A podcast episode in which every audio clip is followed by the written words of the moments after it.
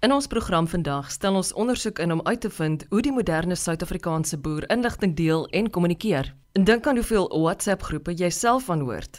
Hoe gemaak in 'n land waar ons 11 amptelike tale het. Wat is boere se verkose mediums van nuus kry? Wat is die rol van hedendaagse kommunikasiemiddels en hoe maak landbouers seker hulle boodskap word hard en duidelik gehoor?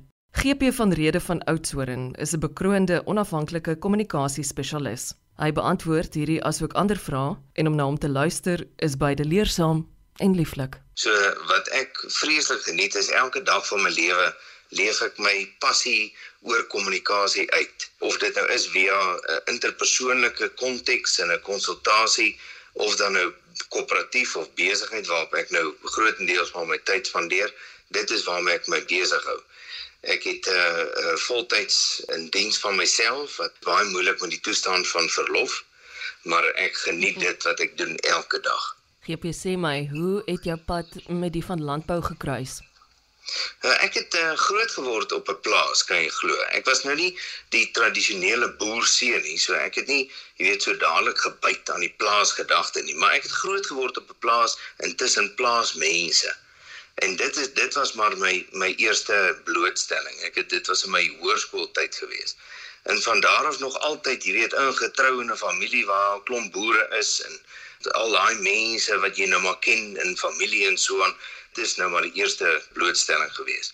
En nou later in my lewe het dit weer teruggekom. Toe ek nou, jy weet, begin werk het, het ek al hoe meer begin fokus op kliënte ook in die landbou, uh landbouorganisasies en so aan. Ek kan my indink dit is vir jou persoonlik ook baie verrykend om met mense in die sektor te doen te hê.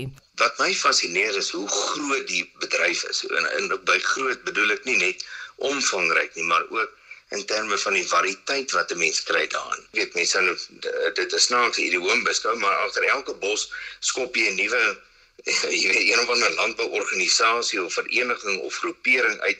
Daar's regtig waar baie baie verskillende landbou opsies en fokusse en dit fascineer my. Ek is verstom oor die kompleksiteit, die variëteit en die veelvuldigheid binne die landboubedryf. En dis baie baie lekker. Daar binne ontmoet jy nou ook verskillende subkulture, mense wat fokus op dit, dat en die volgende, maar hulle aanbou almal het, het 'n gemeenskaplikheid in belang en dit is maar die kern van landbou. Wat is dit wat jy persoonlik al wyser geword het by die landbouers van Suid-Afrika? Laat ek jou so sê, hulle sal jou inlaat en laat meemaak as jy mooi maak. Laat ek dit so verduidelik. Wanneer jy jou werklik beywer om moeite te doen om jou hand op te steek om te sien en gesien te word, dan is dit nie 'n eksklusiewe gemeenskap of 'n eksklusiewe bedryf nie. Ek het al meer mense gesien wat aan die regte deure geklop het en wat bloot net opstaan om te klop, dan sien hulle daar gaan daai deur oop vir hulle. En dit het ek geleer. Dit was ook vir my iets moois wat ek gesien het uit die landbou uit. Dit is nie 'n uh, op sy staan ding in dis ons of hulle die die ingroep uitgroep is nie noodwendig so eng gedefinieer soos wat mense in sommige ander industrieë sien nie. Jy's 'n kommunikasiespesialis. Ek is 'n uitsaai joernalis en beide van ons is doenig met landbou. Daar's daar maar baie loopbaangeleenthede. Jo, jy moet net begin werk maak daarvan en begin soek.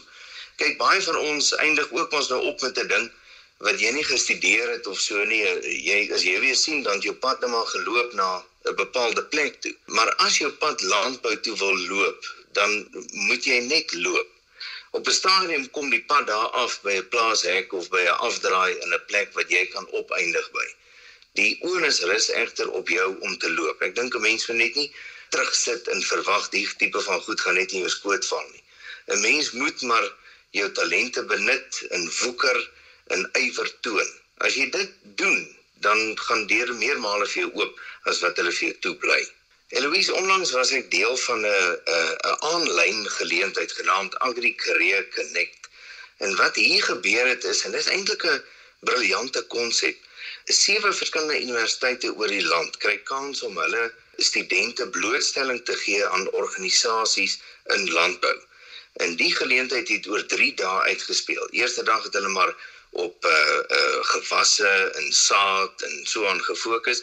Tweede dag op lewende hawe en vee en so aan en die derde dag op geïntegreerde dissiplines, jy weet met die leierskap en prosesingenieurswese en bedryfsingenieurswese en pakhuisbestuur en so aan. En in die tyd het studente om die beurt kans gekry om in 10 minute glewe na besighede in die bedryf te luister. Van groot besighede tot na die kleiner gefokusde besighede. Dit was ongelooflik. Jy weet gewoonlik kry sukkel jy om 'n om 'n gas spreker te kry en dan as jy 'n gasspreker kry dan sit een persoon wat praat by 'n geleentheid. Maar hierdie aanlyn omgewing het 'n manier vir ons geskep om baie vinnig by baie mense uit te kom. Dit was pragtig die konsep's baie mooi Die tweede ding wat ook baie mooi was is net weer eens die ongelooflike geleenthede wat daar is in landbou. Baie van hierdie organisasies bied aan studente internskappe, die gewone job shadowing wat hulle bietjie kan kom kyk en meer leer van die industrie, beurse ensovoorts. Dit was werklik iets spesiaals geweest. Uh, dis 'n jaarlikse geleentheid, so volgende jaar gaan dit weer aangebied word en die ding groei elke jaar want dit is so 'n mooi konsep. Hoe kan hy dan nou nie? Daar is mense wat jy sou dink hulle sit iewers deur in die noorde van die land en dan kry hulle 'n plasing of 'n plekkie in die suide van die land. En nou kan jy dink vir 'n jong mens om so die wêreld te gaan verken en te sien, ag hemel jong, jou horisonne word verbreed en jy stap 'n nuwe mens in binne jouself uit en dan ook in jou familie in en in jou gemeenskap. En daar is baie sulke verhale waar uh wonderlike landboumense die jong mense onder die vlerk geneem het en hulle 'n uh, heimat gebied het waar binne hulle kon floreer. GP, kom ons praat oor die verskillende kommunikasiemiddele wat Suid-Afrikaanse boere inspann. Maar kyk, elke produsent waarmee ek gesels sê almal deur die bank vir my ek hoort aan omtrent 10 verskillende WhatsApp groepe.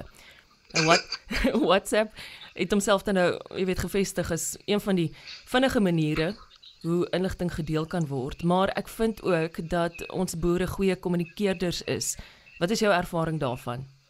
Ja, nee, kyk, WhatsApp is een en dan elke tweede Jan Rapp en sy maat het ook deesdae 'n uh, toep en dan almal wil by die boer uitkom.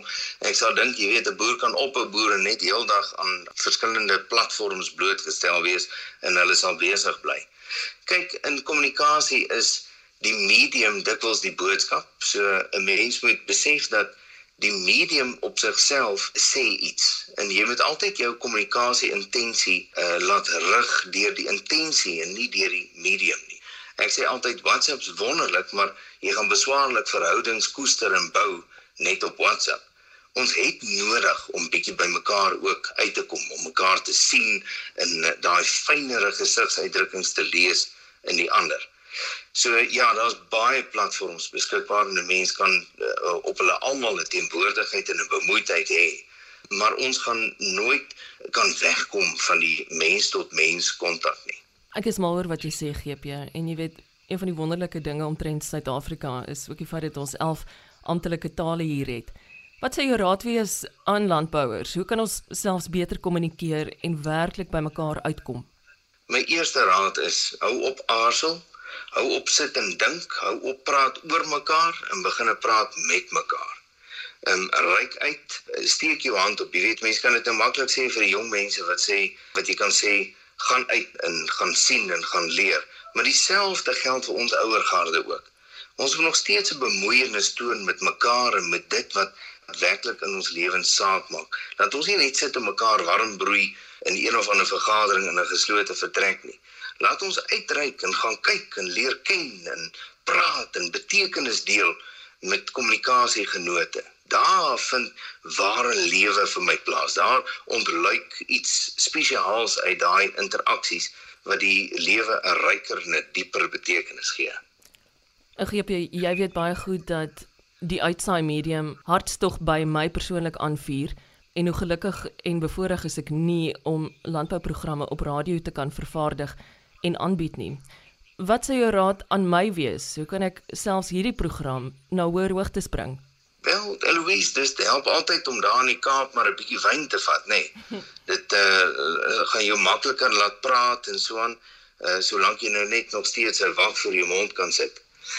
Nee, kyk, ek uh, hou van radio. Dit is vir my ook altyd 'n groot passie en 'n 'n 'n lekkerte want dit gee vir ons die kans om met mekaar te gesels meer so as wat dit net in teks is. Wat ek vir jou kan sê is hou aan droom in jou kreatiewe inspanning gebruik om met kreatiewe denkbeelde, konsepte en innoverende wyse vorendag te kom om jouself uit te lewe binne 'n uh, medium wat uh, geen grense ken nie.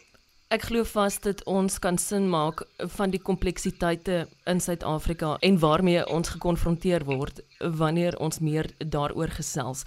Glo jy dat die rol van die media in hierdie omgewing belangriker geraak het of is dit dalk so dat mense wat hulle in hierdie posisies bevind nuwe vaardighede moet aanleer. Daar's 'n breër filosofie genaamd sosio-konstruktivisme wat sê dat ons skep betekenis van wie ons interaksie met mekaar. Ek dink ons moet miskien nie te bekommerd wees oor die medium nie. Die medium sal al wees en radio is 'n enorme medium van belang wat ons hierin kan gebruik. Maar die eerste ding is dit begin by ons bereidwilligheid en ons intensie om met mekaar te praat en om met mekaar 'n verbintenis te maak. En of dit nou uitspeel in 'n radio-onderhoud en of 'n in diepte verslag waar jy 'n 'n storie of 'n narratief van iemand anders sien of net sien hoe leef ander mense.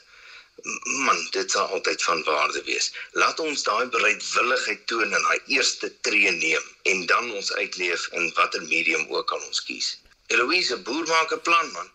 Daar was nog nooit 'n struikelblok wat die ouens nie oorkom het op 'n een of ander manier nie. Daar's groot vindingrykheid en elke uitdaging word gesien as iets wat oorkombaar is. Daar was nêrens 'n punt waar ons gesien het eh, in ons land waar ouens sê nee, wat nou kan dit glad nie meer nie. Daar's geen oplossing nie, kom ons sit maar die ligte af. Eh, soms word die ligte vir ons afgesit, nê. Nee.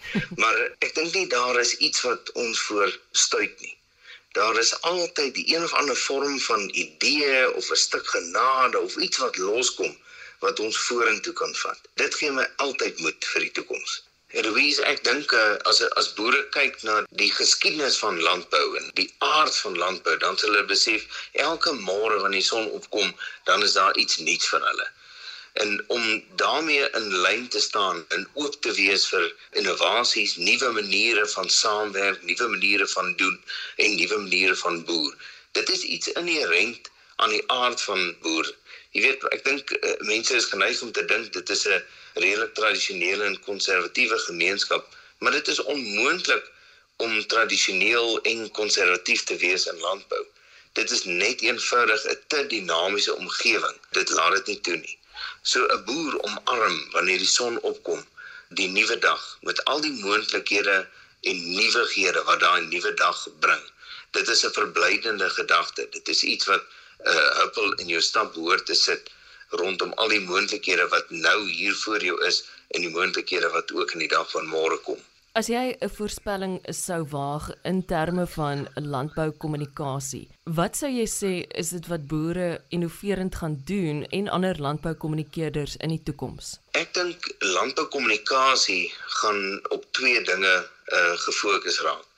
Nommer 1 is jou vermoë om verhoudings te bestuur en netwerke te bou, net. Dit is vir my 'n sleutelelement. Verhoudings bou is eintlik maar 'n baie moeilike ding en almal wil jy weet vorentoe beweeg met iemand in een of ander verhouding. Maar dit is nie so maklik nie en dit verg van ons 'n sterk nougesetheid om daarop te fokus en dit vorentoe te vat. Die tweede een is maar dat jy kan niks bereik in hierdie lewe sonder kommunikasie nie. Selfs stilte is 'n antwoord. So as ons dan aanvaar dat kommunikasie teenwoordig is in jou lewe, beteken dit ons kan hom nie wild laat groei nie. Jy moet hom snoei, jy moet hom koester, net soos wat jy sou doen in landbou in jou boerdery. So ons moet omsien na hoe ons kommunikeer en hoe ons deur ons kommunikasie dit beliggaam en verwesenlik wat ons glo en wat ons is. Eloise, ek glo daar behoort geen aarzeling vir ons te wees om moeite te doen met kommunikasie nie. Daar's geen skande daarin om te erken dat ons met mekaar moet saampraat oor hoe ons met mekaar moet praat nie. Ek vind dat mense wat vorentoe beweeg die eerste tree neem deur te sê hier waar ek nou is en hoe ek nou kommunikeer en hoe ek maak en hoe ek maak met my mense en hoe ek maak met my bedryf, ek is nie tevrede daarmee nie.